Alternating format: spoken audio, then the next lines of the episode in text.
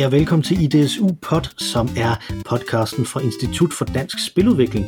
Hvad er det så? Jamen det er jo et videnscenter, som ligger ved Dania Games, den øh, bedste øh, spiluddannelse, som der er i Danmark, som uddanner programmører og designere, der er øh, specialiseret i spilbranchen. Og det øh, er mig, der ligesom styrer løjerne på Institut for Dansk Spiludvikling. Jeg er leder af instituttet, jeg hedder Mikkel Lodal.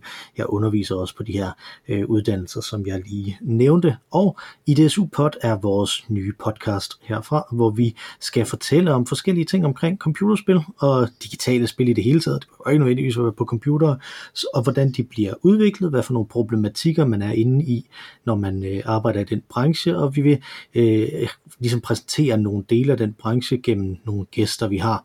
Øh, og nu ser vi, fordi at i den her øh, første udgave, der har jeg ikke nogen gæst, men jeg har min medvært, som er Allan Kirkeby, som kommer over fra vores innovationsafdeling, der hedder GameHop Danmark. Og Allan, vil du sige lidt om dig selv og hvad din baggrund er?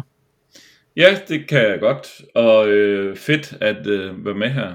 Um, vi øh, på GameHop Danmark er jo, ja, det er vores innovationsafdeling, men det er også vores iværksættermiljø. Øhm, så mit virke hos Dania er um, at vejlede øh, studerende og også alumni, øh, som driver virksomhed eller ønsker at starte virksomhed.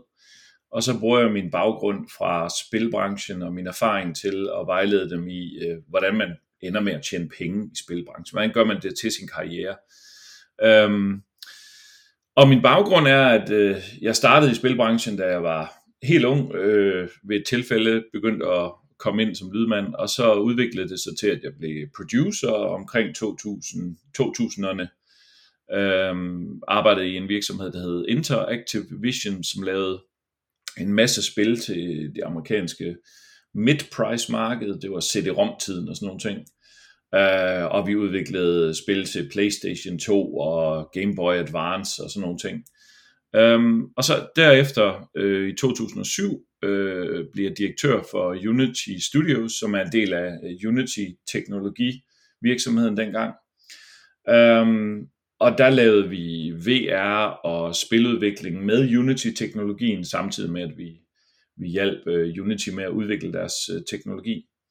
Um, og den virksomhed vækstede frem til 2017, hvor jeg så valgte at, at stoppe og sælge mine anparter, og så i dag, og siden 2017 og i dag, arbejder jeg så hos øh, Dania. Yes.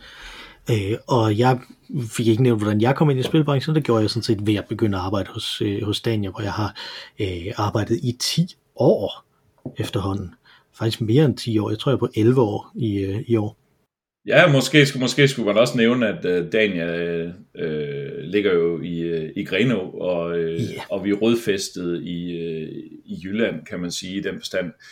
Uh, GameHop Danmark er jo et, uh, et EU-finansieret projekt, som vi kører i samarbejde med uh, Viborg og Aalborg, hvor vi har Viborg Animationsskole og Aalborg Universitet. Um, så vi har sådan en, en, en jysk øh, fællesskab, hvor vi i fællesskab øh, forsøger at løfte spilbranchen. Øh, det er rigtig spændende. Ja, lige præcis. Så det, det, det er den jyske mafia, som man snakkede om i trafikpolitikken i gamle dage, ikke? Altså, så, har, så har vi det så bare her inden for, inden for computerspil. Man kan sige, der er, også, øh, der er jo den ting, nu siger du, det er et EU-finansieret projekt, rigtig meget af vores udsyn kommer også ud i øh, EU og i resten af verden. Vi har en del viden omkring, hvordan det fungerer i USA, og hvordan det fungerer i Kina også, inden for computerspilbranchen, men vi prøver hele tiden at sætte det i sådan en dansk kontekst, som vi har her. Men, men det, som vi godt vil snakke om i dag, og, og grunden til, at jeg egentlig er ret glad for, at, at jeg kan koncentrere mig om at høre dine svar øh, på det, Allan, fordi du har udviklet og været med til at udvikle og producere uanede mængder af spil, hvis man øh, må være så fri i din, øh, i din karriere. Og det, som jeg godt kunne tænke mig som det første afsnit her, det er, hvad hvis man ikke ved noget som helst om, hvordan en spiludviklingsproces egentlig fungerer. Hvad, hvad, gør, hvad gør man så? Hvordan hænger, hvordan hænger en spiludviklingsproces sammen? Kan du øh, prøve at fortælle mig lidt om, om det? Hvad for, er der nogle faser i det? Hvordan, øh, hvordan går man til det her med, at, med, at, med, at man har en idé, og så vil man til at lave et spil? Ja, altså helt, øh, helt grundlæggende, så øh, som du selv siger, man starter jo med en idé, men stort set alting starter jo med en idé, om du skal være glaspuster, eller, eller om du skal skrive en bog. Ikke? Øhm, men spiludvikling er jo, hvad gør man så, hvis du så har den idé til et spil? Altså det jeg vil anbefale, og det som alle gør, det er, at de starter med et værktøj. Man skal jo finde ud af, øh, hvilken, ligesom hvis man modellerer, modellerer voks, så vælger man modellervoks, man går ud og køber noget modellervoks, som er mediet, man skal arbejde med. Og på samme måde, så skal man finde øh, det, man i spilbranchen kalder en teknologi. Uh, nu nævnte jeg Unity før, som er en dansk uh, udviklet uh, platform, teknologiplatform, som egentlig er, hvis man sammenligner det med Microsoft Word eller uh, Adobe Photoshop, som de fleste nok kender, et uh, digitalt værktøj, så hvor i man så kan uh, putte alle sine idéer ind og bygge et spil. Mm. Um, der findes mange andre platforme, uh, en, eller engines, øh, spil engines, spilmaskiner, som man kalder dem, som egentlig er det, de motorer, der trækker spillene. Ikke? Um, der findes noget, der hedder Unreal og sådan noget. Så det, det er typisk der, man starter. Og så skal man jo samle øh, et, en prototype, eller man bygger en prototype. Man bygger ligesom det første lille bid af det. Det svarer sådan lidt til en, et maler, der vil male et stort maleri, så maler vedkommende først en skitse øh, med, med blyant på et lille stykke papir, og så visualiserer vedkommende, hvordan det vil se ud på det store lærred, og så kigger man på skitsen og begynder på det store lærred. På samme måde skal man lave en lille skitse øh, i computerspil, og det kalder man en prototype. Den næste fase efter prototypen er jo så at finde ud af, øh, holder det, er det sjovt nok? Øh, hvis man ikke er bestilt af nogen til, noget, til at lave et bestemt type spil, øh, så så skal man jo vurdere, om den idé, man fik, var god nok. Og der kan man nogle gange skulle igennem flere forskellige varianter af prototyper. Enten forskellige idéer, men det kan også være den samme prototype, som skal justeres. Um, og hvad skal der så være i sådan en prototype? Jamen, der skal jo være noget grafik, der skal være noget visuelt, der skal være noget gameplay, og der skal være noget programmering, eller prototypen skal bygges med programmering. Uh, mm. Ideen er jo et spil, så der skal være nogle udfordringer, der skal være typisk en måde, man kan vinde på, eller en interaktion inde i spillet, og så skal der være noget visuelt, man kan se på. Og selv i prototypen, ligesom der skal med en skitse, som en maler laver, der skal være nogle streger på et stykke papir, der skal være et, et minimum niveau af, af, af skitse inde i prototypen. Så, så det er ligesom fase 1, kan man sige. Men jeg synes, det der, det der er interessant ved det, du siger her, er også, at jamen, der er en prototype, det vil sige, der er noget, der virker, som, som der egentlig, som der er som siger, en skitse, som der er noget, som, som man går til som kunstner, men så nævner du også det her med, at der er så mange forskellige ting i det, ikke? Altså, nu snakkede du før om, om en glaspuster og en, og en øh, og en forfatter. Og det er nogle relativt afgrænsede former, man ligesom arbejder med der. Men her, her har vi nogen, der er visuelt, nogen, der har noget lyd, nogen, der øh, programmerer, nogen, der laver selve det, der er, der er sådan spildesignet øh, i det. Ikke? Altså, så der er mange forskellige andre øh, fagligheder, der kommer ind. Laver de når de så kommer sammen for at skulle lave den her prototype, laver de noget før det på en eller anden måde, altså på samme måde, hvis, hvis vi siger, at, at en kunstner han skal lave skitser, er der så sådan noget med, med at, man, at den visuelle øh, artist her øh, i, øh, i forhold til computerspil før prototypen, så også har sådan en, en før fase, hvor man laver nogle, nogle konceptskitser, skitser, eller hvordan forbereder man sig hver især, og så kommer sammen, eller, eller hvordan plejer man at skulle gøre det her? Ja, altså nu er der jo forskel på, øh, på et nystartet hold øh, studerende for eksempel, og så øh, hvordan man gør det i en etableret virksomhed, hvor at øh, alle medlemmer, der skal deltage i at, at, at lave spillet, kender hinanden og har lavet mange spil før. Øh, på et nystartet hold, der, der kaster man sig hovedkulst ud i det. Øh, og der findes jo forskellige formater for det, men, men øh, der findes jo sådan nogle kom sammen der, hvor man laver game jams og sådan noget. Men i en mm. mere etableret virksomhed, hvor at man ved, at, at man har ikke, altså hvor folk får løn, og man har ikke råd til at, at spilde pengene på og, at tage for, lave for mange fejl undervejs. Der prøver man jo at planlægge processen øh, lidt mere metodisk. Øh, og der går man ind i noget, der hedder pre-production, som egentlig også indeholder prototypearbejdet, men hvor man også begynder at, at sige, jamen, hvad består et spil af? Et spil består af et spil består af gameplay, som jo er det, man spiller. Det vil sige, man trykker på nogle knapper, og så hopper der en karakter rundt, eller man skyder nogle fjender. Øhm, men et spil består jo også af noget, noget verdensopbygning, et univers, man løber ind i. Det kunne være mm. et fantasiunivers med drager, eller det kunne være noget, noget semi-realistisk med, med en person, der er blevet ked af det, eller det kan være, at man skal hoppe på nogle, øh, nogle øer eller et eller andet.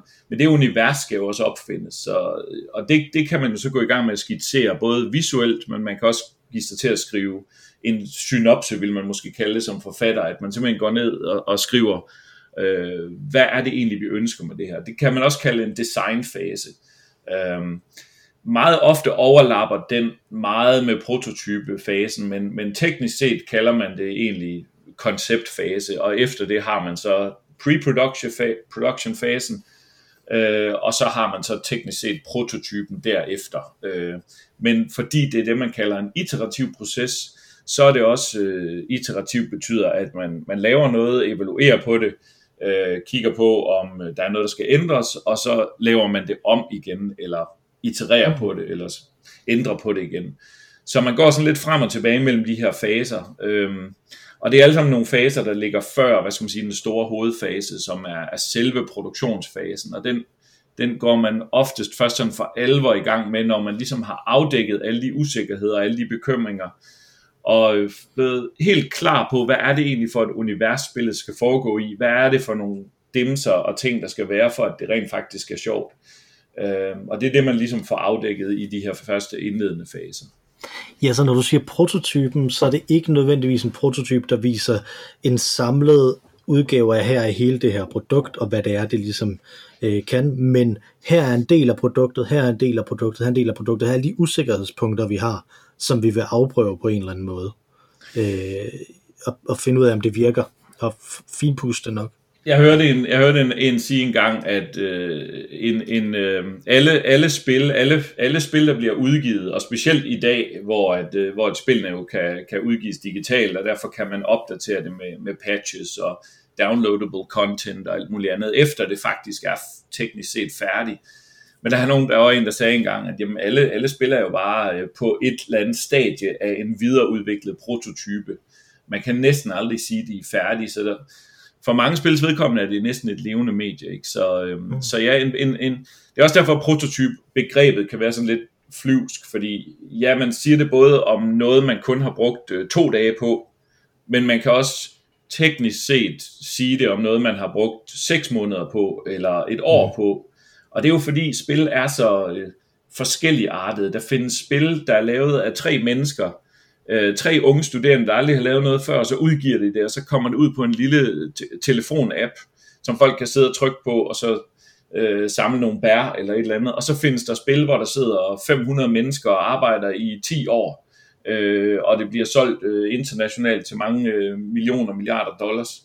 Øh, og man bruger de samme udtryk om begge størrelser, og alle inden for det spektrum, og det, det er selvfølgelig derfor, at det er udfordrende at tale om. Ja, fordi det er jo nemlig lige præcis det, Altså spilbranchen øh, rækker fra at være en person, som der laver et, øh, et spil selv, til at være tusindvis af mennesker, der arbejder sammen på det samme spil.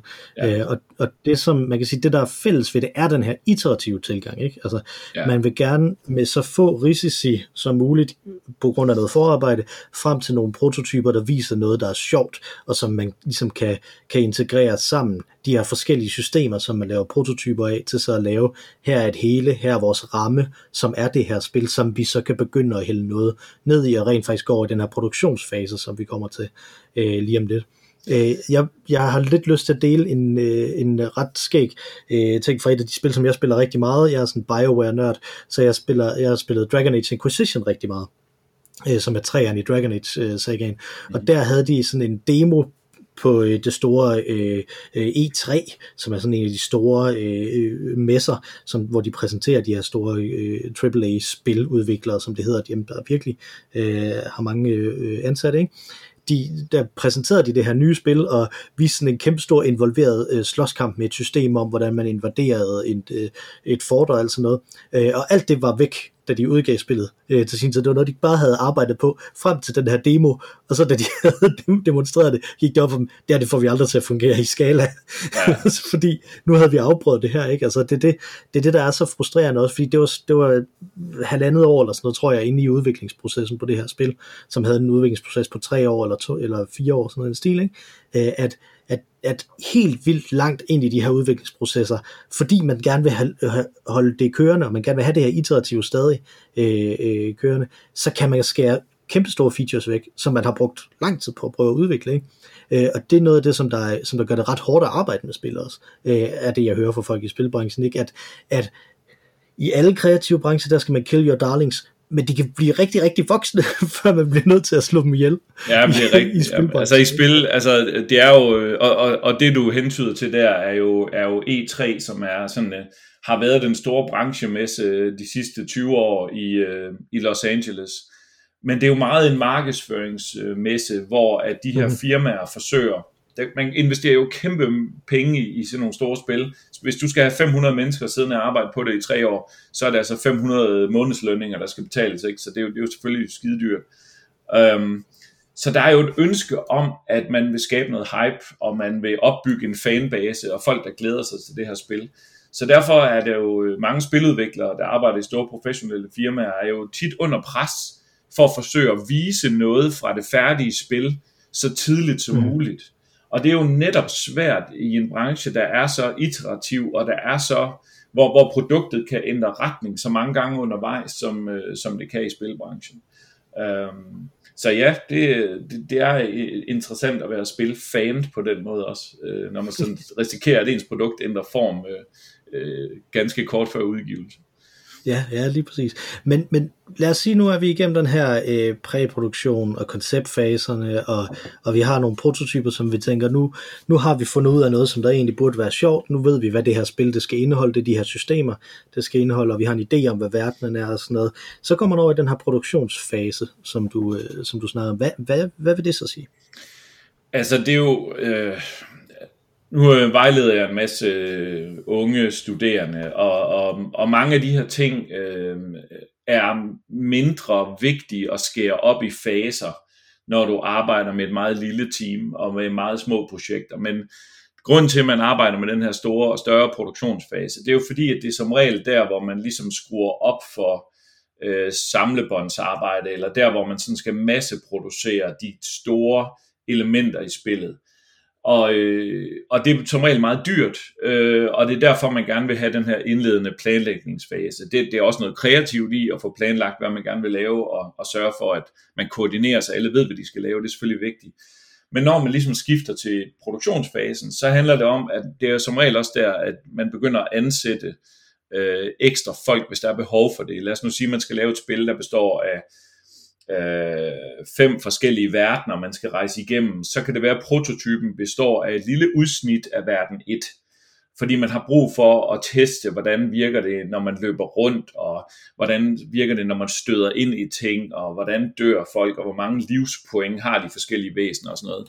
Men når du så skal lave alle fem verdener, og hver verden skal jo, alting skal bygges. Du kan jo ikke bare finde noget fra et bibliotek. Hvis du laver, altså i modsætning til film, kan du bare gå ud og tage en stol, fra øh, øh, regissøren, dem der sætter scenen op, de tager bare nogle møbler ned fra Ikea, og så har de en, en scene til filmen. Ikke? I et spil, der skal alting bygges fra bunden. Øhm, så hvis du skal lave en fantasiverden, hvor du skal kunne løbe rundt i sådan en helt øh, ringenes herreunivers, så skal det hele bygges, og det kræver nogle gange, at der sidder øh, 50 grafikere i et år og bygger alle de elementer, du kan se i spillet. Man har ikke 50 grafikere ansat, heller ikke i store produktioner fra dag nummer 1. Og det er jo fordi fra dag nummer et i prototypfasen, der ved man ikke, hvad man skal lave. Og det er så der ved main production, ved hovedproduktionsfasen, det er her, man begynder at rampe op, som man bruger sådan en amerikansk udtryk, at man begynder at skrue op for øh, produktionskapaciteten. Og så baseret på de planer, man har lagt, øh, og en ting er en prototypfasen, det er der, man ligesom finder ud af, hvordan tingene skal se ud, men som en del af pre-production er også, at man laver en øh, produktionsplan for main production. Um. Og det, øh, så ja, det, det er ligesom det, der sker i hovedproduktionen. Så der, der går man metodisk i gang med at bygge alle elementer af spillet, samtidig med, at man, man fortsætter en iterativ proces selvfølgelig, hvor at man, man tester, at det, man laver, virker. Ja, nemlig, man vil godt have, man vil godt have handlemulighed så lang tid som muligt, som vi også lige snakkede om før. Ikke? Altså, øh, og, det er, og det er virkelig ikke usædvanligt, at hvis vi siger, at vi skubber og, og planlægger, øh, skubber, det betyder, at man finder det, det rigtige, øh, den rigtige størrelse for, på noget, ikke? i forhold til, hvor lang tid man har, og hvor mange penge man har til det. Mm-hmm. Øh, hvis vi skubber det med, at der skal være fem verdener, så er det ikke usædvanligt, at vi ender med at have tre, vel? Altså, det, selvom vi går i gang med at producere de alle fem, ikke? Altså, øh, Jamen, sådan, det, sådan er det jo, sådan er det. Eller også så ender man med at udgive med tre, og så øh, kommer verden nummer fire øh, to måneder efter den egentlige udgivelse. Øhm, mm. Men det er måske også en forskel, der er på, på øh, noget, det er noget, der har ændret sig meget de sidste mange år at øh, den der idé om, at man, man bare kan tilføje mere efter spillet er udgivet, øhm, det, er jo en, det, er jo, det, det er umiddelbart super fedt, fordi det betyder, at man som spiller, når du køber et spil, så kan du forvente, at der kommer, at spillet udvikler sig, efter du har købt det. Så der kan det blive mere spændende at følge et spil over tid, men man kan sige, i gamle dage, øh, hvor der ikke var internet, hvor man ikke bare kunne sende opdateringer ud, der skulle hele spillet jo ligge færdigt. Så noget, der er sket i løbet af de sidste, når jeg siger gamle dage, så er det jo, så er det jo for 10-15 år siden. Noget, der er sket inden for de sidste 10 år, det er, at spilproduktioner er blevet meget mere fleksible, og, og nogen vil sige mere sløset med at sørge for at blive ordentligt færdige, når de udgiver spillet. Øhm, fordi i gamle dage var der, ikke, var der ikke nogen kære mor, hvis spillet ikke var færdigt, så kunne du ikke udgive det, fordi du skulle være 100% sikker på, at det du udgav ikke havde nogen fejl. Øhm, og det er jo så også en stor del af, af spilproduktionen, kan man sige, at, at sikre, at det er et stykke software, der virker, som det skal, og efter hensigten. Ja, og det er, øh, jeg hørte en podcast, som gamesindustry.biz øh, laver, som hedder The Five Games Of, hvor de interviewede Brenda Romero, som har lavet spil siden omkring 1980, ikke? Øh, og, blev, og hun blev spurgt om, hvad var, de største, hvad var den største ændring fra 1980 til i dag, så hen over de 40 år, hun har været i spilbranchen. Øh, hun begyndte, da hun var 15 eller sådan noget i stil. Ikke? Ja. Øh, og der nævner hun lige præcis, internettet er den store ændring, der er. Så det er ret interessant også, som du siger, ikke internettet, som vi kender det, som noget, der kan levere sådan nogle kæmpe opdateringer, som det her øh, jo er, er jo ikke super gammelt. Det er jo kun de der 10-15 år gammelt højst. Ikke? Altså, mm. øh, 10 er nok i virkeligheden mere rigtigt end 15. Men det er det, som der har, øh, som der har rykket ved alle typer af digitale produktioner, og dermed også spilproduktioner. Ikke? Altså, ja. Men lad os sige, at vi har produceret det her spil, og vi har, vi har produceret en masse content, som vi har hældt ind i den her ramme, vi fik lavet øh, først. Hvad gør vi så med det, øh, når, vi, øh, når, vi har, når vi siger, at nu er vi ved at have produceret nok til, at vi kan sige, at det her det er et spil, som vi kan, øh, som vi kan udgive? Hvad, hvad sker der så? Ja, altså nu er vi jo, nu oversimplificerer vi jo selvfølgelig en meget kompliceret proces. um, og der er ingen, altså, en af de vigtige ting at sige om spilbranchen, det er, det er jo, at um, det er en af de øh, medier, hvor man, nu, nu nævnte du også, at forfatter og, og glaspuster, det, det er en, det er ligesom et, et fag, man laver der, ikke? men spilbranchen består jo af, af sådan et uh, multidisciplineret team, der skal, der skal kunne samarbejde. Øhm, og det jeg nævnte før med, at man også bygger et stykke software, der skal virke, øh, der skal være en spiloplevelse, som er til at forstå og sådan noget. Det nærmer man sig så, at tingene skal finputtes pusses i slutningen af produktionsfasen. Og den sidste, det sidste del, inden man udgiver det, der kalder man så den del af produktionsfasen, den inddeler man i to, sådan klassisk set, to forskellige faser, med en alfa-fase og en beta-fase. Og så har man så en master candidate fase, som egentlig er der, hvor man udgiver det, men som teknisk set er også en tredje af de sidste faser, kan man sige. Og alfa, beta og master candidate er egentlig bare videre, altså det er egentlig bare hovedproduktionsfasen, der nærmer sig en afslutning, og hvor man begynder at, øh, at finpudse på det. Det svarer måske til, at det er et skibsværft, der bygger et skib, Øh, og så har du hovedproduktionsfasen, så har du præproduktionen, hvor man tegner skitserne og finder ud af, hvad der skal være i skibet, og planlægger, om der skal være læder på, på møblerne inde i skibet, og hvad, hvad for en motor skal det være. Og så har du produktionsfasen, hvor du sætter hele lortet sammen. Og så har du alfa-fasen, hvor man ligesom siger, nu har vi stort set bygget det hele, og sådan fungerer det også i spilbranchen. Nu har vi stort set bygget hele spillet nu skal vi teste det ud i alle hjørnerne. Så der begynder man sådan set test og verificering af, om alting virker. Det har man selvfølgelig også gjort i produktionen, fordi det er software, man skal verificere hele tiden, men øhm, i alfa-fasen begynder man at lukke ned, og så er der et interessant begreb, øhm, som hedder feature creep, øhm, mm. som egentlig øh, betyder, at man får jo idéer undervejs i en spiludviklingsproces, øh, og dem vil man jo gerne implementere, hvis de er gode. Altså man vil gerne bygge, tilføje noget til spillet, hvis det var en god idé, man fik. Øhm, og det forsøger man så at lukke ned for. Man forsøger at ophøre med, og, og i beta-fasen er det decideret forbudt, teknisk set også i alfa-fasen. Man plejer at sige, at, at, at der har man feature lockdown, det vil sige, features betyder egentlig bare ting, der er i spillet. Øhm, så de her features, de her ting, der er i spillet, dem, øh, der siger man, nu må, nu vil vi ikke smide flere nye idéer ind. Nu skal vi sørge for, at det, der er der, bliver finpudset, bliver polished, siger man på engelsk, øh, og, at, og at det bliver ligesom lækkert nok til, at vi kan præsentere det for slutbrugerne. Så ja, det var sådan en længere rant for at forklare, at der er de her tre faser, alfa, beta og master candidate, før man udgiver. Ja, nemlig, og det, og det er jo noget, som du så også igen kommer for dengang, hvor man lavede et produkt og sendte det afsted, og det var så mere eller mindre det. Det var, det var næsten umuligt at lave en, en, en opdatering til noget bagefter, ikke? Altså, men man bruger stadig de her faser, man bruger stadig den her øh, måde at gå til det på, og det tror jeg også er en ting, som der er ret vigtigt at forstå i forhold til, til spilbranchen, at øh, at det er noget, som der bygger på overlevering. Det er noget, som der bygger på, at, at man, folk har været i spilbranchen, har udviklet nogle, nogle måder at gøre det her på, som altså ikke er sådan gennemtænkt af en eller anden genial person et eller andet sted, der har lavet den her model. Det er noget, som der er autodidakt langt hen ad vejen, og noget, som man ligesom har, øh, har udviklet selv, og så kodificeret løbende øh, og, og snakket om i branchen øh, på, på den måde. Det er også derfor, hvis du kigger på, hvad for nogle titler folk har inden for spilbranchen, så kan den samme titel betyde meget forskellige ting i forskellige virksomheder, øh, men selve den overordnede proces er noget, som man som branche ligesom har, øh, har forhandlet sig frem til. Ikke? Altså, og hvis man skal se i vores perspektiv, altså øh, specielt mig, men, men du kommer også en del fra, fra uddannelsesverdenen, ikke? Altså her, så, så er det jo så det uddannelser inden for spil er, øh, og inden for spilbranchen er væsentligt yngre end selve øh, spilbranchen og selve praksisen der, ikke? Altså, mm. øh, nu sagde jeg, at jeg, at jeg havde arbejdet på Dania Games i 11 år, og, og det har eksisteret i 11 år. Øh, og, og det er ikke super meget før det, at der begyndte rent faktisk at være uddannelser i, øh, i computerspiludvikling på verdensplan. Altså, der er, der er ingen før 2000, øh, i hvert fald. Så. Ja, nu nævnte du uh, Brenda Romero, og hun startede som 15-årig, og, og jeg startede i, i 90'erne. Uh, jeg har ikke været i branchen lige så længe uh, som hende og, og, og andre, men jeg har været der længe, og jeg startede jo, der var jo ikke spiluddannelser dengang uh, jeg startede. Uh, mm. så, rigtig, så spilbranchen i sig selv er rigtig ung, og det vil sige, Øh, Øh, man har jo øh, formet spilbranchen, og, og, og spilbranchen har udviklet sig ekstremt hurtigt, men mange af de begreber er jo noget, som er blevet opfundet øh, til øh, formålet, kan man sige. Og så har man selvfølgelig lært fra softwarebranchen. Der er taget rigtig mange udtryk med fra softwarebranchen, og der er også taget nogle med fra, fra filmbranchen, men det er rigtigt. Øh, det er noget, man sådan har, har defineret undervejs. Ja, og jeg synes, og jeg synes netop, nu, nu nævnte du filmbranchen, det er noget, du og jeg rigtig godt kan lide at snakke om. Øh, det kommer man til at mærke i senere podcasts også øh, her, men, men det siger ekstremt meget om sådan en spiludviklingsproces, at vi har relateret det til glaspuster, til forfattere, til skibsbyggere, til øh, resten af softwarebranchen og til film. Ikke?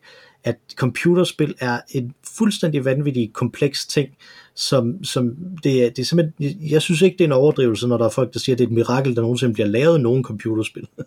Overhovedet ikke. Altså, forstået på den måde, der er så mange bevægelige ting, og der er så mange forskellige øh, fagligheder, der skal ind i det. Og vi har faktisk sprunget en kæmpe stor faglighed over, som vi ikke rigtig har tid til at komme ordentligt ind på her, men som kommer til at spille en stor rolle, når vi kommer frem og, og snakker videre, fordi det her, det var ren udvikling.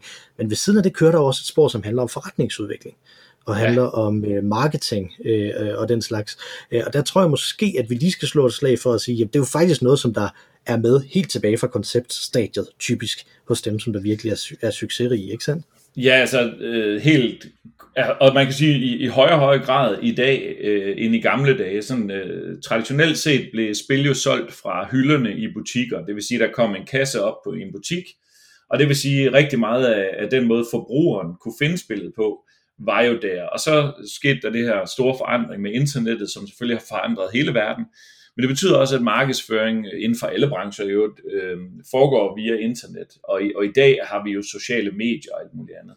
Så markedsføring og forretningsudvikling, og, og, og de to ting kan man adskille, fordi øh, man skal jo skaffe midler til sin produktion. Ikke? Så øh, det, starter, det starter meget tidligt med, at man begynder at tænke over, om der er et marked for det produkt, man skal lave. Øh, nu kom du med eksemplet med, med Dragon Age, hvor de halvandet år før spillet rent faktisk øh, skal ud på markedet, før at, at den butik, den virksomhed, den publisher, den spiludvikler rent faktisk kan bede kunderne om at betale penge for spillet halvandet år før ligger der en kæmpestor øh, produktion, en, en, en demo, en trailer, vil man kalde det i filmbranchen, klar.